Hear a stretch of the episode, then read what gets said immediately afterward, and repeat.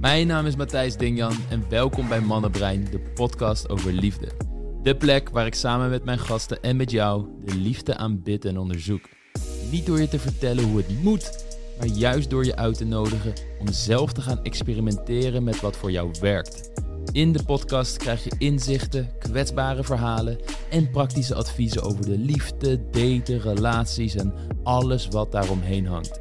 Zodat je in jouw eigen leven meer liefde kan voelen, ervaren en zijn. Enjoy. Deze podcast, Laurens, gaan we het hebben over wanneer je aan het daten bent met iemand. En het lijkt allemaal heel leuk te gaan. Er is aantrekkingskracht, er is chemie. Jullie leren elkaar steeds beter kennen. En toch wordt het geen relatie. Misschien nemen ze afstand. Misschien krijgt de, de man of de vrouw allerlei twijfels over jou. En misschien krijg jij wel twijfels over hem, omdat je zoiets hebt van, ja, bepaalde dingen zitten me toch niet helemaal lekker. Daar gaat deze podcast over. En dit doen we naar aanleiding van meerdere, nou ja, ik krijg bijna dagelijks vragen over dit soort specifieke situaties. Maar ik kreeg één vraag die ik erbij wil pakken. En het is best wel een, een verhaal, maar ik wil hem uh, toch gaan voorlezen en hem vervolgens gaan ontleden. Omdat mm -hmm. aan de hand van dit verhaal, als we dit als Noorderster nemen, die richting gaat geven aan deze podcast. Ik denk dat we heel veel verschillende situaties daaronder kunnen vatten. Omdat we vooral kunnen kijken van ja, wat zijn nou de principes die hier spelen? En hoe kun je voorkomen dat je in dit soort situaties terechtkomt? En als je er toch in terecht komt, hoe kun je er dan het beste mee omgaan? Ik ben benieuwd. Yes. Hey mannen, wat een fijne podcast hebben jullie. Ik zit ergens mee, dus ik hoop dat jullie dit lezen. Jullie mogen dit, jullie mogen dit ook als een van de onderwerpen voor jullie podcast bespreken. Liefs. Daar gaan we. Dat was het? we leerden elkaar kennen via Tinder, zoals de moderne sprookjes beginnen. Voordat we elkaar ontmoetten, was al duidelijk dat hij niet monogaam was. Toch spra spraken we vaker af. Steeds vaker en vaker. Ik gaf aan dat als hij met iemand anders zou gaan, dat het prima was. Maar dat het dan wel klaar voor mij zou zijn. We hadden een leuke tijd. Ik werd verliefd. We gingen weekendjes. We gingen weekendjes en een weekje weg. Hij verwijderde Tinder en stopte met het appen van andere vrouwen. Het werd exclusief. Maar het had nog geen naam. Na zeven maanden daten kregen we een relatie. Wat niet vanzelfsprekend ging. Tijdens het gesprek zei hij dingen als: Ik ben geen boyfriend materiaal. Jij vindt mij leuker. Ik heb commitment issues. Ik twijfel wel over de relatie, etc. Vraag me niet hoe, maar toch hadden we aan het eind van dit gesprek een relatie. Onbewust werd ik erg onzeker. Want hoewel we een relatie hadden, wist ik in mijn achterhoofd wat hij gezegd had. Achteraf gezien hadden we hier al moeten stoppen. Ergens voel ik me een slecht persoon en denk ik dat ik hem heb overgehaald om in een monogame relatie met mij te belanden? Vraagteken. Aan de andere kant denk ik, als hij het niet wilde, had hij ook weg kunnen gaan. Ik denk dat we elkaar beiden te leuk vonden om het op te geven. We maakten in een camperbusje een reis naar Marokko en vlogen in december terug naar Nederland. Het was geweldig. Het busje lieten we achter, want in februari zouden we teruggaan om de reis af te maken. Als hij in Nederland was, woonde hij in dat busje en omdat het busje nu in Marokko stond, verbleef hij bij mij. Hij had geen baan en ik had mijn baan opgezegd, maar moest nog een aantal weken werken. Na drie weken niks doen, besloot hij snowboardles te gaan geven in Winterberg om zo nog wat geld te sparen voor Marokko. Ik moedigde hem hierin aan, hoewel ik wist dat het moeilijk zou gaan worden, want we waren al twee maanden onafscheidelijk. We zouden 6 februari vliegen, maar hij wilde langer in Winterberg blijven om meer geld te verdienen. Ik stemde hiermee in. Hoewel dit voor mij betekende dat ik opeens vrije tijd had, want mijn baan liep af. In Winterberg kwam ik hem opzoeken en hadden we een moeilijk gesprek. Hij had het nu moeilijker met het monogame dan voorheen. Ook toen hij naar Marokko bij mij verbleef, scheen hij weer te twijfelen. Hij zei dat één van zijn fantasieën was om ja, seks te hebben in een busje met een student na het geven van snowboardles. Interessant detail, maar goed. Uh, toch wilde hij me niet kwijt en ik hem ook niet. Er veranderde niks. Och, liefde maakt blind. In Nederland merkte ik wel direct nog dat ik direct nog onzekerder werd. Hij reageerde amper op mijn appjes. Ik, ik mis je. Of op foto's. Of ik moest drie keer vragen om te bellen. Ik besloot hem hierover te bellen en dit gesprek escaleerde. Zo gaf hij aan dat ik hem leuker vind dan hij mij. Dat dit voor hem op zich prima is, maar dat het niet eerlijk is voor mij. Dat hij mensen liever op afstand houdt. Hij zei dat zijn gevoel voor de relatie niet meer genoeg was. Dat hij al een langere tijd twijfelde en al die tijd dacht, ik zie wel hoe het loopt. Maar dat het nu toch te serieus werd. Hij zei voor het eerst dat hij van me hield. Hij zei dat we beide wat anders willen op seksueel, maar ook op mentaal gebied. Hij zei dat de laatste keer dat hij zich zo rot voelde was toen zijn pa overleed. Hij zei dat ik hem kende als een stabiele jongen met een baan in Nederland, maar dat hij ook van zulke avontuurtjes, zoals Winterberg, houdt, en dan gewoon lekker daar wil leven, zonder contact te moeten onderhouden met mensen in Nederland. Hij wist het niet, maar wilde mij ook weer niet kwijt. Hij spraken af even geen contact te hebben. Na drie dagen zou hij weer contact met mij opnemen. Na vier dagen hoorde ik hem nog steeds niet en stuurde ik hem een berichtje. Hij zei dat hij me die avond zou bellen. Ik wachtte, maar dat telefoontje kwam niet. Hij zei dat mensen langer bleven en dat hij in slaap gevallen was. Ik heb dan zoiets van, ja, dan kan je toch weglopen of appen, dat het bellen je niet gaat lukken.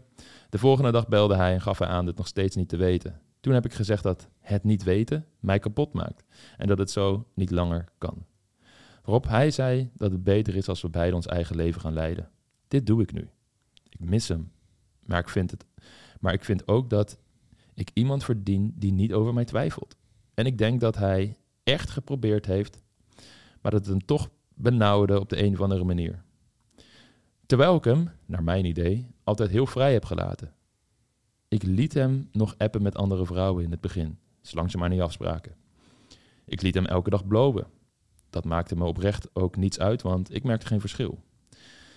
Ik deed niet per se moeilijk, omdat ik zijn moeder nog niet had ontmoet. Ik geloofde dat dat wel zou komen. Ik liet hem naar Winterberg gaan en motiveerde hem hierin juist. En toch was die vrijheid allemaal niet genoeg. Ik heb het idee dat hij egoïstisch is. Dit heeft hij ook een paar keer gezegd. Maar nu begin ik in te zien dat dat misschien wel de reden is dat hij geen relatie wil slash kan hebben. Hij wil met niemand rekening hoeven te houden. Heeft geen vrienden, een slechte band met zijn zus en moeder. Ik zal nog met hem moeten afspreken, want al mijn spullen liggen nog in het busje in Marokko, wat ik wel echt terug wil. Ik heb nu al een maand geen contact met hem. Hij heeft niet meer gereageerd op mijn berichtjes. En als ik dit teruglees, denk ik, wel al eerder moeten stoppen. Ik had voor mezelf moeten weglopen, maar ook voor hem. Maar hij had het ook kunnen stoppen, want hij zag hoe verliefd ik werd op hem. Nu denk ik dat hij mij ook leuk vond, maar blijkbaar niet genoeg. Ik werd erg moe van mijn gedachten en huil bijna elke dag voor een maand lang. Ik ben me weer op mezelf aan het richten. Crossfit competitie, surfen, nieuwe baan zoeken. Maar het blijft pijn doen. En ergens hoop ik dat hij binnenkort vol tranen aan mijn deur staat. Maar ergens hoop ik dat ook weer niet. Want dan voelt het echt voor mij als alsof het voor hem uitkomt dat ik er dan voor hem mag zijn. Je hebt je avontuurtje gehad in Winterberg waar je geen rekening met me hoefde te houden. En nu ben je weer in Nederland en komt het je wel ergens opeens goed uit. En ergens denk ik ook niet dat hij überhaupt nog terugkomt. Mannen, wat gaat er in zijn gedachten om? Wat raden jullie mij aan? Liefs. Nou, Laurens. Zo. Het is een hoop om te onthouden in één keer. Ja, Dus, eh, nee, ja, er zijn, ik heb even wat eh, mentale aantekeningen gemaakt gedurende dit verhaal. Ik vond dat je het overigens mooi hebt voorgelezen. je mag me vaker voorlezen. Ja, Als je niet kan slapen, bel me Ja, voor. precies. Laurens. Dan Ja. lees ik een mooi... eh, ja, ja. een- en hopelijk dan een wel een verhaaltje met een iets beter eh, eind. Maar, maar goed, dit, eh, dit is wat het is. Eh, ja, waar, waar zullen we eens beginnen? Hè? Nou ja, Nou, ik ben benieuwd, waar, jij, waar zou jij beginnen? Eh, Kijk, er zijn heel veel punten, maar wat, valt je op? Wat is een... Nou ja, ei- eigenlijk al helemaal aan het begin. Ehm, toen ze besloten daten met hem, of contact al- al had met hem, en dat hij zei van oké, maar ik ben niet monogaam. Eh, en dat zij op een gegeven moment ook daarin een grens heeft gezegd van ja, dat is allemaal prima, maar zodra je iets met andere vrouwen gaat doen, dan werkt, dan werkt het niet voor mij. Ja, Ehm, en op zich is dat al, nou ja, het, is, het, is, het laat een soort duidelijke eh, grens zien. Dus het is een soort signaal van, oké, ze weet in ieder geval wat ze niet wil. En ze durft dat dan ook uit te spreken. ja, Maar het is dan interessant om te zien dat dus gaandeweg eigenlijk dat hele principe wat ze dus daar had, ja, langzamerhand verdwijnt. En toch dat, dat verliefde gevoel het overneemt. En dat zelfs al laat hij bepaalde signalen zien die helemaal niet in lijn zijn met wat zij eigenlijk echt wil, dat ze er dan toch voor gaat. ja. Eh, en ik denk dat dat een heel interessant voorbeeld is van. Hè, we hebben dus dat, dat, dat, dat vaardigheid en waardigheid principe. Hè, dus vaardighe- vaardigheden. Dus dat je, dat je weet wat je. De concrete vaardigheden die je kan ondernemen, wat je kan doen. En in mijn optiek is weten wat je wil, is eigenlijk daar ook onderdeel van. Dat jij Mm. een duidelijk beeld hebt van oké, Eh, dit is de relatie die ik wil. Dit is het soort partner die ik, ja, waarmee ik graag verder zou willen gaan. Dit is het gedrag wat ik wil zien. Dit is het gedrag wat ik niet wil zien. En dat je dat als een soort van roadmap kan gebruiken tijdens het daten, om het zo maar even te zeggen. Ja, Alleen dan komt dat waardigheidsstukje. Dus echt ja, hoe jij naar jezelf kijkt, hoe jij je over jezelf voelt. En de vraag die dan ook bij mij opkwam is van oké, maar een vrouw met gezonde, sterke eigenwaarde, die houdt van zichzelf, zou zij in deze situatie belanden? En ik denk ja, dat dat eerlijke en harde antwoord is van niet. Dus daar gebeurt dus iets binnen haar dat ondanks dat ze die roadmap heeft, dat er een bepaald gevoel zich toch overneemt en ze, nou, ze zegt ook al, ze, ze zegt het zelf heel mooi, liefde dus echt blind maakt. ja, En het is dus interessant om bij jezelf na te gaan van oké, waar, waardoor gebeurt dat precies? Wanneer is dat precies gebeurd? En hoe gebruik je deze ervaring als een les eh, voor ja, de volgende man die, eh, die, die op je pad komt? ja. Want wat we vaak zien gebeuren is dat als je gewoon, we hebben hier ook podcasts over afleveringen over gemaakt. Het zit ook in YouTube-video's van ons en in, in, eh, in de cursus gaan we er uitgebreid op in. Maar als je kijkt naar de relatiepyramide, die, de onderste laag draait dan om aantrekkingskracht. De tweede laag draait dan om connectie die met iemand ervaart. Daarbovenop komt verliefdheid en toewijding. En daarbovenop komt echt een toprelatie. Nou, als je hier meer over wil weten, ik zal een, link plaatsen um, in de beschrijving, zodat je een aflevering waar we echt de diepte in gaan over de hele relatiepyramide kunt beluisteren. Maar waar het nu vooral om gaat, is dat die onderste twee lagen, aantrekkingskracht en een connectie. Wat ik zie is dat wanneer mensen dat met iemand ervaren en wellicht vanuit de vrouwelijke kant er ook al ruimte ontstaat om vanuit die aantrekkingskracht en connectie gevoelens te ontwikkelen, dat dat als rechtvaardiging gebruikt wordt dat deze persoon per definitie goed voor hen is, omdat ze al die emoties bij zo'n man voelen. En dat is heel gevaarlijk, omdat die aantrekkingskracht en connectie kun je echt met ontzettend veel mensen ervaren. Allemaal op het moment dat jij echt vanuit plezier en kalmte in het daten gaat staan, ga je merken dat je dit met heel veel mensen kunt creëren, omdat je het zelf ook meer uitstraalt. Maar op het moment dat je ehm, bepaalde dingen in jezelf meedraagt, wellicht een angst dat je weer teleurgesteld gaat worden op basis van ervaringen uit het verleden waarbij mannen afhaakten. Wellicht ligt het dieper omdat je bepaalde basisbehoeftes miste in de dynamiek met je ouders en daardoor heel graag liefde wil ontvangen, zodat je je veilig en gewaardeerd kan voelen en gewoon geliefd kan voelen. En daardoor heb je een hele sterke behoefte aan een relatie. Uh, wellicht is het zo dat je net uit een, nare relatie komt en nu gewoon echt toe bent aan eventjes iemand die er voor jou kan zijn. Wat het ook is, je draagt in ieder geval bepaalde behoeftes in jou mee. Dan zorgt dat ervoor dat je zo erg gefocust raakt op hoe het voelt met een man op de momenten dat jullie samen zijn en daar al een hele fantasie over omheen kan bouwen, dat je totaal voorbij gaat aan de derde laag van die relatiepyramide, namelijk is hij ook toegewijd aan jou? Is hij relatie ready? Hoe communiceert hij met jou? Laat hij signalen zien dat hij serieus met je is en dat hij bereid is ook om bepaalde kanten bij zichzelf te onderzoeken en wellicht zelfs te veranderen. En niet omdat dat moet van jou, maar omdat hij dat intrinsiek zo voelt van mijn doel is ook om een liefdevolle relatie te hebben en ik merk dat bepaalde dingen in mijn leven dat in de weg staan. En, dat hij daar zelf ook mee komt. In deze situatie geeft deze man juist het tegenovergestelde aan. Hij geeft aan van, hé, hey, ja, ik ben eigenlijk niet monogaam. Uh, jij houdt, je vindt mij leuker dan ik jou. Ik weet niet of dit wel gaat werken. En het is zeker zo dat hij aantrekkingskracht en connectie voor je, deze dame heeft gevoeld. Anders zou hij niet met haar zo'n reis gaan maken, met haar afspreken. Dus dat zit er. Maar wanneer de diepe aantrekkingskracht, de diepe connectie, echt het aangaan van de hechting en je toewijding uitspreken, door moeilijke periodes heen gaan en aan jezelf werken, zodat je de obstakels die een liefdevolle relatie in de weg staan, probeert te overwinnen en op te lossen. Zodra die elementen ontbreken, dan is het echt direct aan jou om hem op zijn woord te geloven, voor jezelf te kiezen en te zien dat het pad dat je met hem aan het bewandelen bent, niet het relatiepad is richting een liefdevolle, toegewijde, prachtige, stabiele relatie, maar een soort situatiepad waarbij je geen echte toewijding naar elkaar hebt uitgesproken. En die toewijding, dat is een cruciale voorwaarde om een blijvende liefdevolle relatie te hebben. En dit is dus waar het elke keer misgaat in een hele hoop situaties, is dat door de aantrekkingskracht, door de connectie, de gevoelens die daaruit voortkomen en de fantasie die je bouwt, hoe het gaat zijn om met hem te zijn. En op een dieper niveau bepaalde behoeftes die jij aan je meedraagt, die je vervuld wil zien worden in het contact met die man, wat het rationele overstijgt. Want die gevoelens zijn veel sterker. Dat zijn behoeftes die, die gaan heel, heel diep.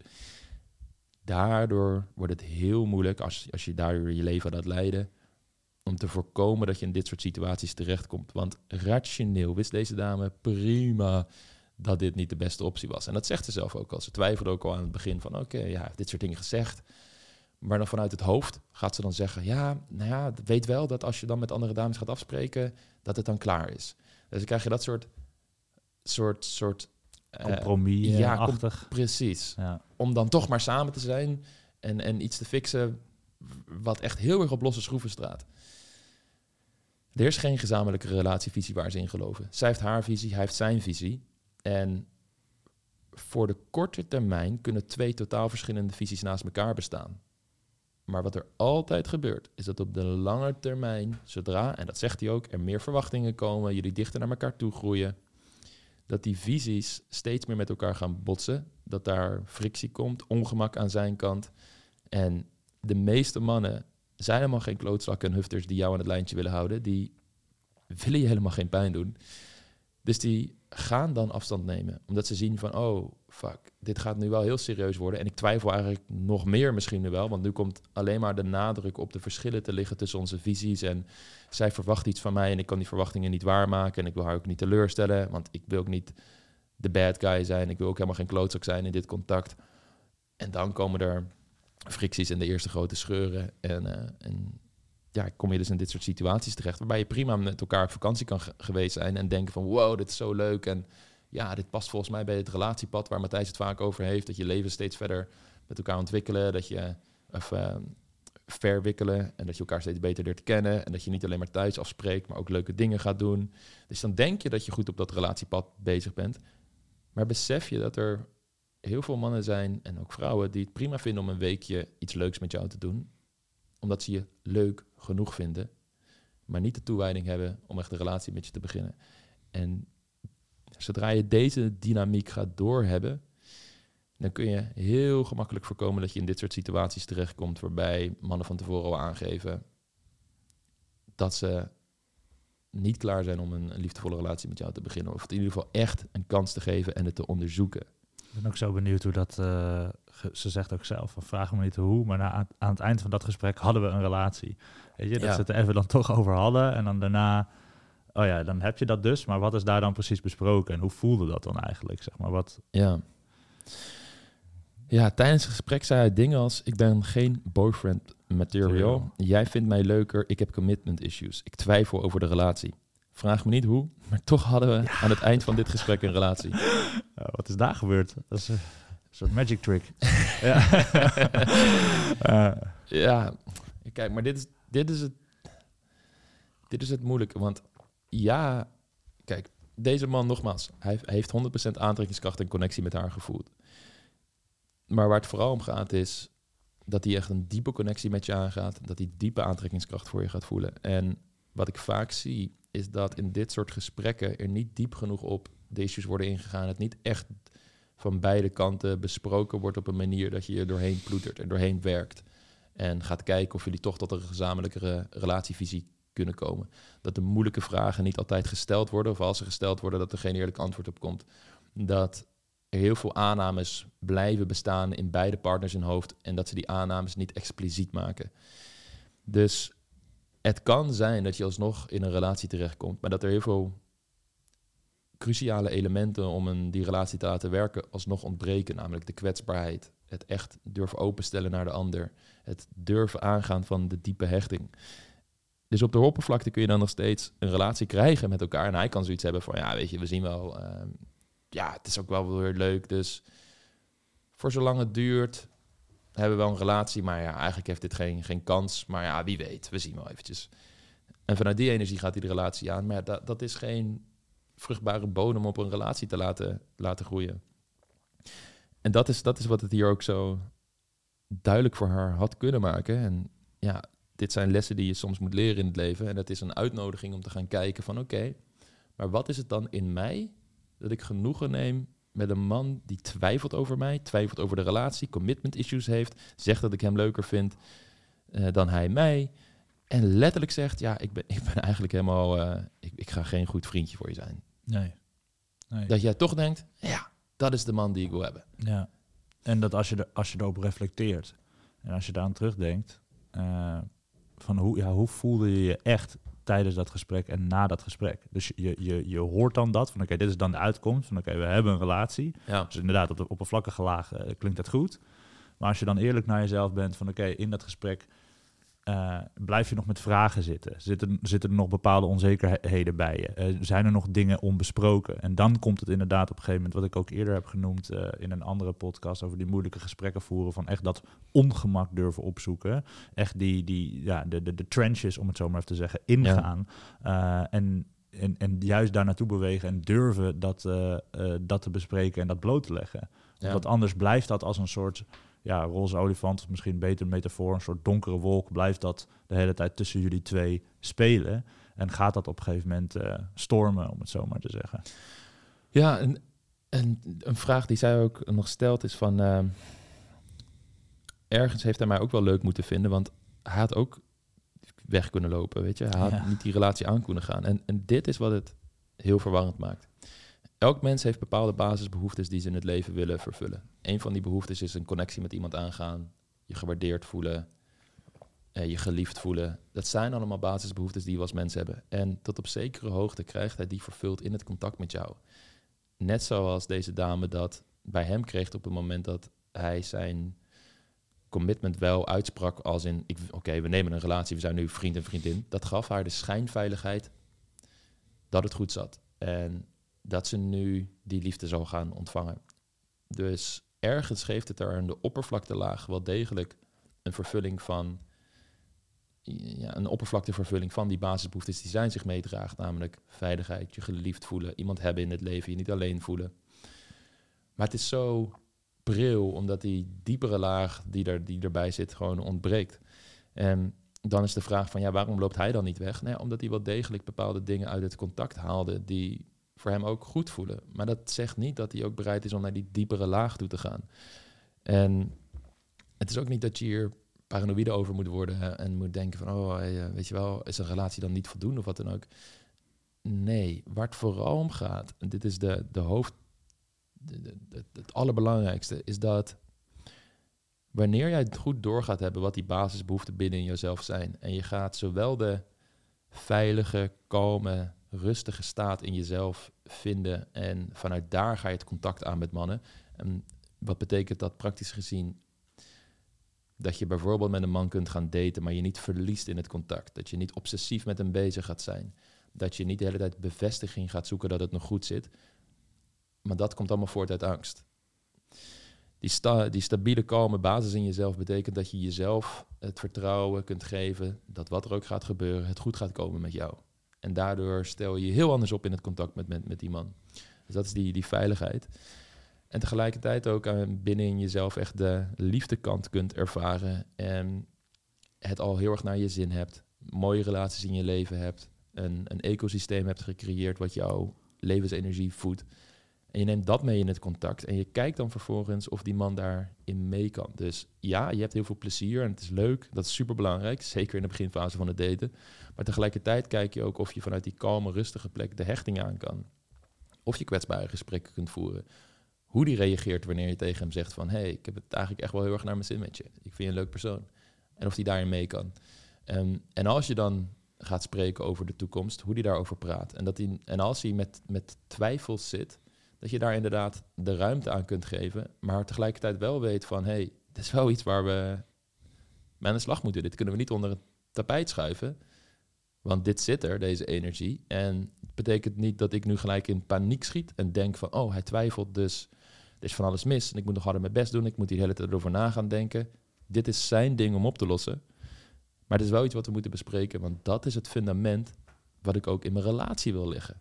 Als er issues zijn in de relatie, dan wil ik dat niet onder het tapijt schuiven. Dan wil ik dat we een team vormen en daardoor heen werken. En in de datingfase zie je daar al de eerste signalen van of iemand in staat is om dat te doen. Of in ieder geval bereid is om dat te ontwikkelen. Want niet iedereen kan dit al op, op een diep niveau. Ik zelf kon het ook niet toen ik ging daten met mijn vriendin. Maar er was bereidheid om, ondanks dat ik ook twijfels had over bepaalde zaken... en zij twijfels had over bepaalde zaken... om daar het gesprek over aan te gaan, er doorheen te werken. Te kijken van oké, hoe zit dat en wat moet ik in mezelf oplossen? Wat zijn mijn patronen die ik meeneem? Ja, ik denk dat wij daarin alle twee goede voorbeelden zijn van mensen die dus ook iemand hebben gevonden die op een gegeven moment ook een bepaalde verbinding in zichzelf of in haarzelf voelde. En dus ook bepaalde eigenschappen in het leven die dus ook goed zaten. Dus ook vanuit, vanuit haarzelf al uh, eigenlijk een, een leuk leven kunnen leiden. En vervolgens daarmee dus een bepaald soort standaard zetten. En dus niet zo'n do-or-die standaard van dit moet het nu worden en anders niet. Maar meer een, een bepaald voorbeeld kunnen zijn. Waardoor er dus iets, ook om dan voor mezelf te, te spreken, iets geraakt wordt van, oh wow, hey, dat is eigenlijk zo inspirerend en daar wil ik onderdeel van uitmaken. Mhm. En daardoor ben ik ook bereid om naar mezelf te kijken en aan mezelf te werken. Maar dat is, dat, niet iedere man heeft dat. Weet je, niet iedere man die jij gaat vinden, die is bereid om, om dat ook te doen. En het laatste wat je wil is dat jij je hele leven uh, op orde gaat stellen en vanuit liefde en vanuit verbinding gaat leven, zodat je uiteindelijk kan zorgen dat een man dat dan ook gaat doen. Nee, in het beste geval ben je een inspiratie voor hem, zodat hij ook aan zijn leven gaat werken en uiteindelijk ook die, uh, dat relatiepad met jou op wil gaan. En dan weet je ook gelijk van oké, maar dit is een man waar ik het, eh, misschien lopen dingen nu nog niet precies helemaal zoals ik zou willen, misschien loop ik nog tegen bepaalde dingen aan, maar er is bereidheid en de, de, de neuzen staan dezelfde kant op en vanuit hier kunnen we verder. En, en, en dat is denk ik een hele belangrijke graadmeter voor uh, voor wanneer je met zo'n man uh, in contact bent die dus zo twijfelt of die jou dat gevoel geeft van oké, maar als ik terugga naar die verbinding met mezelf, als ik echt eerlijk kan uitspreken wat ik wil en ik kan hem als het ware uitnodigen op dat pad, hoe gaat hij daar dan op reageren? Ja, exact. Als je merkt dat je vaak dit soort patronen aantrekt, dan is het dus heel belangrijk om de focus af te halen van het soort mannen die je aantrekt. En veel meer te gaan kijken naar waarom trek ik dat soort mannen aan? En wat is het in mij dat elke keer ervoor zorgt dat ik in dit soort situaties terechtkom? Wat mij heel erg opvalt aan dit verhaal is dat nadat dit allemaal gebeurd is, ze al een maand elke dag aan het huilen is en er nog steeds heel erg obsessief mee bezig is en het allemaal niet kan begrijpen zich tegelijkertijd ook ergens een beetje schuldig voelt over bepaalde zaken en zelfverwijt heeft van ja, misschien heb ik hem wel die monogame relatie ingepraat als het ware en hem onder druk gezet. Uh, misschien had ik zelf ook wel eerder weg moeten gaan. En dan verlies je jezelf in een oud verhaal wat alleen maar weer bevestigt dat jij het niet kan in de liefde, dat jij altijd dit soort dingen aantrekt, dat dat nou eenmaal bij jou hoort. Dus je gaat je heel erg identificeren met dit soort situaties, want er zal wel wat mis met jou zijn. Want alle mannen haken af na een maand, twee maanden, drie maanden. Zie dit echt als een uitnodiging om te kijken van oké, wat zit er in mij dat ik elke keer genoegen neem met dit soort situaties? En eh, dat zit hem voor een heel groot gedeelte in het loslaten van allerlei negatieve overtuigingen, bepaalde angsten, onverwerkte emoties die je binnenin je draagt. Weten dat er wellicht bepaalde basisbehoeftes zijn die je vervuld wilt hebben in het leven. En elke keer mannen probeert aan te trekken om die behoeftes bij jou te voorzien. Nu, in elke relatie zijn er wel degelijk basisbehoeftes die inderdaad door de relatie vervuld mogen worden, maar nooit helemaal. Een groot gedeelte van die basisbehoeftes vervul je zelf. Puur door hoe je je leven inricht, hoe je je voelt over jezelf. Je kunt jezelf wel heel veel zekerheid geven, veiligheid, liefde laten ervaren. En als je echt geniet van het leven, je prettig voelt. En dat hoeft niet elke dag. Het is niet alsof je het leven een grote ecstasy-trip is en alleen maar euforie betekent. Daar gaat het niet om. Maar het gaat erom dat je echt van jezelf leert houden. En vanuit daar in het contact met mannen gaat staan. Dan zal je ten eerste dit soort mannen automatisch niet meer aantrekkelijk vinden. Omdat je ziet dat aantrekkingskracht en chemie iets moois is. Maar dat je dat met heel veel mensen kunt ervaren. En dat het niet het allerbelangrijkste is. Want omdat je toegewijd bent aan jezelf, verwacht je diezelfde toewijding van een man. Waardoor je dus al veel sneller gaat filteren en dit soort mannen het zelf niet meer interessant gaat vinden. En het tweede ding is, is dat je ook een ander soort type man zal gaan aantrekken die diezelfde veilige, liefdevolle basis in zich heeft. En daar, of daar in ieder geval mee bezig is. Ik moet er nu ook aan denken, een deelnemster uit uh, ons programma, coachingprogramma Leven in Liefde, die vertelde gisteren nog in een coaching call, eh zullen we even Paula noemen, eh het is niet de echte naam, maar Mooie naam. we beschermen haar naam. Ja, Goed uitgekozen. Ja, dankjewel, dankjewel. En zij vertelde, ehm, nou, ze komt ten eerste uit een lang huwelijk met heel veel ellende. Eh, een man die een flink oud verhaal heeft en haar echt niet goed heeft behandeld. En dat is het soort liefde dat zij kent. Dus een laag zelfbeeld, dit is wat ik waard ben. Is het voor mij überhaupt mogelijk om een toegewijde, liefdevolle relatie te krijgen? Dat, dat waren alle gedachten die door haar hoofd gingen. En haar gevoel was ook vooral angst. Doe ik het wel goed? Is er niet iets mis met mij? Dat was de emotionele staat waarin ze verkeerde. De gedragspatronen die daaruit voortkwamen waren vaak pleasen, nederig opstellen, heel erg aan jezelf twijfelen. Zij doorloopt nu het hele proces van leven en liefde. En wat zo mooi is, om te zien, is ten eerste dat die ex-man, daar ze nu echt van het, aan het afhechten. En die komt niet meer zo hard bij haar binnen, zoals hij dat vroeger altijd precies haar knoppen wist in te raken. Waarom?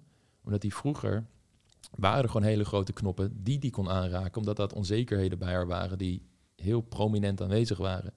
Maar omdat ze nu dat fundament van zelfvertrouwen, hoge eigenwaarde en echte zelfliefde heeft ontwikkeld, kan hij die knop ook niet meer vinden. Want er, er is niks wat hij wat die aan kan raken waar ze niet zelf al mee gedeeld heeft.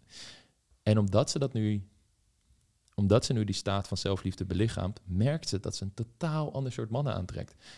Vlak na haar scheiding kreeg ze alleen maar berichtjes en kwam ze alleen maar in contact met mannen die zelf al in een, in een relatie zaten. eh, die, waarbij het contact heel snel alleen maar over seks ging.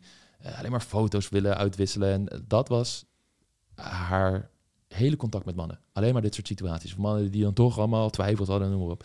Ja, dat geeft ook een bepaald beeld van, nou ja, mannen zijn nou eenmaal gewoon zo. Als je Juist. daar eenmaal zo in zit.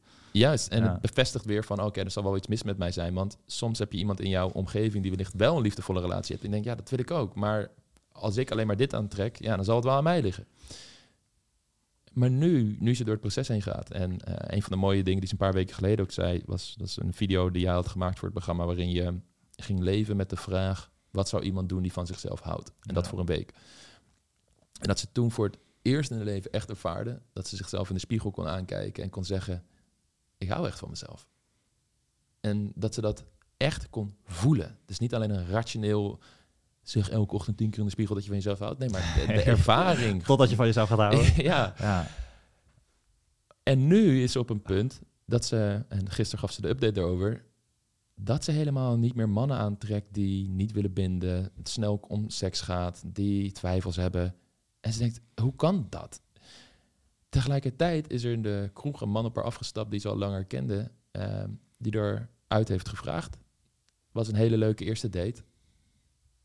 En tot haar verbazing ging het niet gelijk over seks, had hij niet twijfels, stuurde hij gewoon een berichtje na de eerste date. Hebben ze gewoon nog contact gehouden en gaan ze nu een week later op een tweede date en heeft hij daar uit eten gevraagd. Dan wil hij er meenemen naar een, restaurantje dat hij dan helemaal heeft uitgezocht en noem maar op. En zegt, ja, ik wist gewoon letterlijk niet dat het contact met mannen zo kon aanvoelen en dat het ook zo kon zijn. En het mooie ervan is, is dat ze ook zegt, en ik merk nu en ik ervaar nu in heel mijn systeem, dat het ook niet uitmaakt of het met deze man gaat lukken. Want ik heb er vertrouwen in dat als ik mijn leven blijf leiden zoals ik dat wil leiden, dat ik vanzelf iemand ga aantrekken die me aantrekkelijk vindt voor wie ik ben, waar ik voor sta, welke dingen ik interessant vind. En dat als ik hem ook leuk vind, dat het vanzelf gaat werken tussen ons. Want ik heb nu die kalme, stabiele, rustige ervaring, staat van zijn in me. Waardoor ik niet de hele tijd in angst schiet en obsessief ermee bezig ben. Want vroeger zou ze gelijk denken, oh, leuke date gehad. Is dit hem? En nu heeft ze zoiets van, ah ja, was een leuke date. Tof, interessant contact. Oké, we gaan weer verder met het leven en we gaan en zien we- waar heen zien gaat. wel. En we zien Ja, wel. ja, we zien wel. Waardoor er veel meer ruimte komt om, als ze dan een, een twee dagen na die eerste date eventjes aan hem denkt en zoiets heeft van, oh, ik ben eigenlijk wel iets leuks aan het doen of ik net iets grappigs meegemaakt, dat ze dat deelt vanuit liefde en vanuit hier is een stukje authenticiteit van mij en dit is wat je kunt verwachten als je in een relatie bent bij mij, in plaats van, oh, ik heb hem eigenlijk vandaag nog niet gehoord. Hij heeft niet goedemorgen geappt.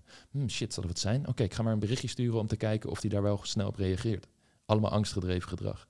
En dit is de shift die de vraagsteller ook wil maken. Ja. En daarbij kan het, kan het natuurlijk nog steeds zo zijn dat je ook als je dat werk bij jezelf hebt gedaan en als je op die manier eh, vanuit liefde in het contact gaat staan, dat er nog steeds dingen zijn Hè? Dus, dus bijvoorbeeld een bepaalde onzekerheid of een bepaald angstgevoel of een bepaald twijfel, dat kan nog steeds opkomen. Dus het is niet van, oh, als ik dit werk heb gedaan, dan is dat er helemaal niet meer. Helaas, dat, dat kan dus niet meer. Dat Ja, is waar. ja, ja, dan ben je dus verlicht en verlost. Ja, dat is toch duidelijk. ja. Eh, eh, dat zeg ik ook altijd eh, op mijn workshops. Nou, als jullie hier komen om verlicht en verlost te worden, heb ik slecht nieuws voor je. Dat, eh, dat gaat niet gebeuren. Iedereen gelijk Ik zeg altijd wat anders. Ik zeg, hierna zijn jullie allemaal verlicht en verlost. Geen probleem Ik wil meer. niks meer horen. Nee, maar, dus het, het kan nog steeds opkomen. Alleen in plaats van dat je daar helemaal in gaat schieten en jezelf helemaal gaat verliezen in die vernauwende staat, in die verkramping en die angst komt, Mhm. eh, kan je het veel beter bij jezelf doorvoelen en voelen van, oh hey, wacht, dit is, dit is een bepaald signaal, ik voel dit nu en ik kan vanuit mezelf, vanuit de verbinding met mezelf bepalen of ik hier nu iets mee ga doen of niet. En Ja. als, je er mee gaat, eh, als je er iets mee gaat doen, bijvoorbeeld een gesprek voeren, iets aankaarten, eh, dat je dat ook vanuit diezelfde kalme staat kan doen. Dat er nog Mm. steeds spanning bij kan zijn. Dat nog, eh, een, een moeilijk gesprek voeren, dat gaat altijd spannend zijn. Dat is altijd een beetje lastig. Ja. Maar dat je in ieder geval wel het vermogen in jezelf ook voelt om dat uiteindelijk ook aan te gaan. En op die manier kan je dat soort dingen uiteindelijk ook oplossen. ja, En, en worden dus niet van, hè, dus dingetjes die niet kloppen van die, van die landmijnen. Van als je er in één keer op staat, dan is alles gelijk weer helemaal mis. Juist. Want dit is heel belangrijk. Want eerst van jezelf houden voor je van iemand anders gaat houden... is zo'n typisch principe in de liefde. Zorg eerst dat de relatie met jezelf gelukkig is... en ga dan een gelukkige relatie aan. Dat, dat soort dingen, daar zit heel veel waarheid in. Maar wat gevaarlijk is, is dat je dan wellicht gaat denken van... oh, oké, dus als ik helemaal gelukkig ben met mezelf... en die relatie is mooi en ik zit lekker in mijn vel... dan zou ik ook geen problemen ervaren in het contact met een man die ook echt gelukkig is met zichzelf en toegewijd is aan mij. Dat is niet per se het geval. Waar het vooral om gaat, is dat er nog steeds problemen zullen komen, maar dat jullie allebei toegewijd zijn en als een team aan dezelfde kant staan naar dat probleem kijken. Dus het probleem wordt niet gebruikt als reden dat jullie niet bij elkaar kunnen zijn, maar er wordt gekeken naar, we willen bij elkaar zijn, dit ding is er nu, hoe kunnen we dat samen oplossen? En niet dat de oplossing ook altijd samen opgelost moet worden. Maar we kijken er allebei naar. We, we creëren ruimte voor elkaar. Dat we ons kwetsbaar kunnen opstellen. En wanneer we elkaar in ieder geval op de hoogte hebben gebracht van wat er speelt, moeten we misschien weer eventjes juist terugtrekken en kijken van oké, wat moet ik hiermee? Wat is mijn aandeel hiervan? Wat, wat, hoe kan ik dit oplossen als het bijvoorbeeld, eh, hoe kan ik verantwoordelijkheid nemen over mijn gedeelte hierin? Een mooie van eh, wat iemand anders ook laatst tegen mij zei, eh, een dame die ook onze programma's heeft doorlopen, die vertelde van ja, vroeger werken aan mijn relatie was werk. En het leverde ook niet zoveel op. Nu, alle aandacht, tijd en energie die ik in de relatie stop, krijg ik dubbel uitbetaald in liefde en meer vreugde en meer plezier. En het is een bevrijding om de lessen die ik bij Mannenbrein heb geleerd, die te kunnen toepassen in mijn relatie bij iemand die daar ontvankelijk voor is. En die zoiets heeft van, wauw, dit is top. En die mij daarin support. Om een voorbeeld te geven, zij vond het heel lastig om moeilijke gesprekken te voeren en aan te geven dat ze iets bijvoorbeeld niet prettig vindt. Nou, ze heeft bij Mannenbrein de tools erin geleerd. Ze heeft de kalme basis in zichzelf ook geleerd dat ze de emoties kan reguleren. Dus dat ze het op een manier brengt die heel constructief is, kalm is en de ander zich niet gaat verdedigen. En het mooie is dat ze dat aangaf bij haar partner van... hé, hey, eh, eh, ik ga hem even Henk noemen. Henk, eh, Hm. weet je, ik, ik, wil- ik wil iets met je bespreken, maar ik vind het lastig. En ja, maar ik wil het wel echt doen. Dus ja, heb je even tijd voor me om samen even te gaan zitten. En hoe Henk daar dan op reageert is... Tuurlijk, ik, ik kom met je zitten en hij luistert. En hij begrijpt het misschien niet in één keer, maar hij staat ervoor open. En ondanks dat hij misschien niet helemaal het probleem in zag, zei hij wel: hey, ik vind het wel heel moedig dat je naar me toe komt en dit doet. En blijf dat alsjeblieft doen. Dat is super belangrijk. En het is precies die support die je naar elkaar uitspreekt. Dat laat zien dat jullie in de kern toegewijd zijn aan elkaar en een relatie in een echt team vormen. En dat is het fundament wat allemaal begint bij die relatie met jezelf. Dat jij dat eerst gaat uitstralen, vanuit deze plek in het contact met mannen gaat staan. En dan zou je dus heel snel, ook in het daten, merken dat als er kleine probleempjes of issues opkomen, of je precies deze cultuur van er samen doorheen gaan en het moeilijke gesprek aangaan en elkaar supporten kunt creëren. En als de ander niet, er niet in mee kan en je hebt echt dat zelfvertrouwen in die eigenwaarde, dan zou je daar niet overheen stappen als een minor issue en zoiets hebben van ja, dit klopt eigenlijk niet en het voelt eigenlijk niet lekker, maar ik vind hem wel heel leuk en het voelt goed en hij heeft ook mooie kanten, dus ik ga er maar in mee, want ja, straks heb ik niemand of moet ik weer opnieuw beginnen. Dat zal dan niet meer gebeuren. Dan voel je aan van, oh, oké, ja, dit gaat voor mij echt niet werken. En dan kun je eerst nog het gesprek aangaan, kijken. Want, want soms maak je iets mee en denk je, wow, dat vond ik niet leuk. Dat is, dat, is, dat is geen leuke kant van deze persoon. En dat kan gebeuren. Maar dan is de vraag, als je dat dan hebt uitgesproken, je hebt dat moment gehad en misschien zijn jullie er niet op dat moment uitgekomen, komt hij er bijvoorbeeld later op terug en zegt hij, hey, weet je, ik heb nog eens nagedacht over dat ene en ja, ik zie toch wel dat je hier een punt hebt. Hier ben ik het misschien nog steeds met je oneens, maar hier misschien wel. En of, ja, laten we kijken wat we hiermee kunnen. En ik zal erop letten. Dat, dat stuk, dat kan dan nog steeds gebeuren, maar je zal hem daar niet toe dwingen. Je zal dat je zal hem een uitnodiging geven om daar zelf mee te komen. En dat ook dus loslaten kunnen, dat los kunnen laten in het moment, zodat je hem ook de ruimte geeft om daarmee te komen. En dat, ja, dat gaat je gewoon echt helpen om te voorkomen dat je in situaties terechtkomt met mannen die niet voor jou kunnen kiezen, twijfelen, allemaal issues hebben en daar niet aan willen werken. Nee, en het, streven, en het streven wordt zodoende ook niet meer perfectie. Van het moet het moet allemaal perfect. Het moet uh, helemaal goed lopen. Het moet mijn prins op mijn witte paard zijn. Toen, toen, toen ik, toen ik uiteindelijk, uh, hè, met mijn, mijn vriendin en ik, we zijn de tijd aan, uit elkaar geweest. Uh, en daarna, nadat we dus het nodige persoonlijke werk hebben verricht, weer bij elkaar gekomen. En ik maakte mij toen niet de illusie van, oh, en nu gaan we bij elkaar komen. En nu gaat alles weer helemaal perfect zijn en veel beter. Weet je, alles gaat nu helemaal. Ik wist wel van, het gaat anders zijn, want we hebben aan onszelf gewerkt. Maar ik wist van, oké, er gaan uiteindelijk along the road uitdagingen op de weg komen. Maar hoe gaan we er dan mee om? Zijn we bereid om naar onszelf te kijken, in verbinding het gesprek aan te gaan? Misschien inderdaad niet altijd met elkaar eens te zijn, maar daarin samen te groeien. In plaats van dat dat, dat weer de hele tijd gaat, uh, gaat clashen. En ik had het laatst nog in mijn persoonlijke leven, kwam ik daar ook achter. Weet je, van, uh, nou ja, je kent het ook, hè, dus veel bezig met goede routines opbouwen, challenges doen, dit en dat, zo'n zo'n plaatje van hoe wil je dan eigenlijk zijn. En ik mhm. had het zo voor me, van ja, en ik ga vijf keer per week sporten en uh, de, mijn routines die zijn helemaal solid en dit en dat. En dan kom ik er gaandeweg het leven, kom ik erachter van ja, shit, het, het lukt me niet altijd om dat te doen. En eerst gaf me dat zo'n gefrustreerd gevoel van fuck, en toen opeens besefte ik me van hé, hey, maar wacht, het plaatje wat me eigenlijk zou moeten dienen, staat me nu heel erg in de weg, omdat het een soort van ideaalbeeld wordt van dit moet het zijn en dit kan ik nu niet behalen waarop ik me toen opeens realiseerde van... hé, maar dat, dat hoeft ook helemaal niet. Het is een streven wat ik wil om mijn leven op die manier dus te gaan leiden. En dat ga ik dus zo goed als mogelijk doen. Maar wat echt bepaalt of ik echt goed in verbinding met mezelf ben... is als het dan een keer niet lukt, hoe ga ik dan met mezelf om? En dat gaat dus in de relatie met jezelf, maar net zo in de relatie met iemand anders. Als je tegen bepaalde dingen aanloopt, als er iets gebeurt in de relatie... hoe gaan jullie er in dat geval samen mee om... in plaats van dat het zo'n perfect sprookjesverhaal mm. wordt. Mm. Wat natuurlijk niet betekent dat hele mooie romantische liefde en romantische momenten er ook gewoon kunnen zijn, natuurlijk. ja, ja. Ja, is voor iedereen die luistert en zoiets heeft van ja, ik, ik herken vaak dat ik in dit soort situaties terechtkom. Of ik zit nu in een situatie met een man die twijfels heeft of het loopt niet lekker. Zie het echt als een uitnodiging om naar binnen te gaan. Te kijken wat er binnen in jou speelt wat de dingen zijn waar je wellicht nog mee worstelt. En dit kan heel lastig zijn om dat uh, in je eentje te doen. Dus ik raad ook altijd aan om hulp te zoeken. Uh, rijk uit naar mensen. Uh, het kan officiële therapie zijn. je kunt met ons in gesprek gaan. Er zijn heel veel verschillende manieren om dit te doen.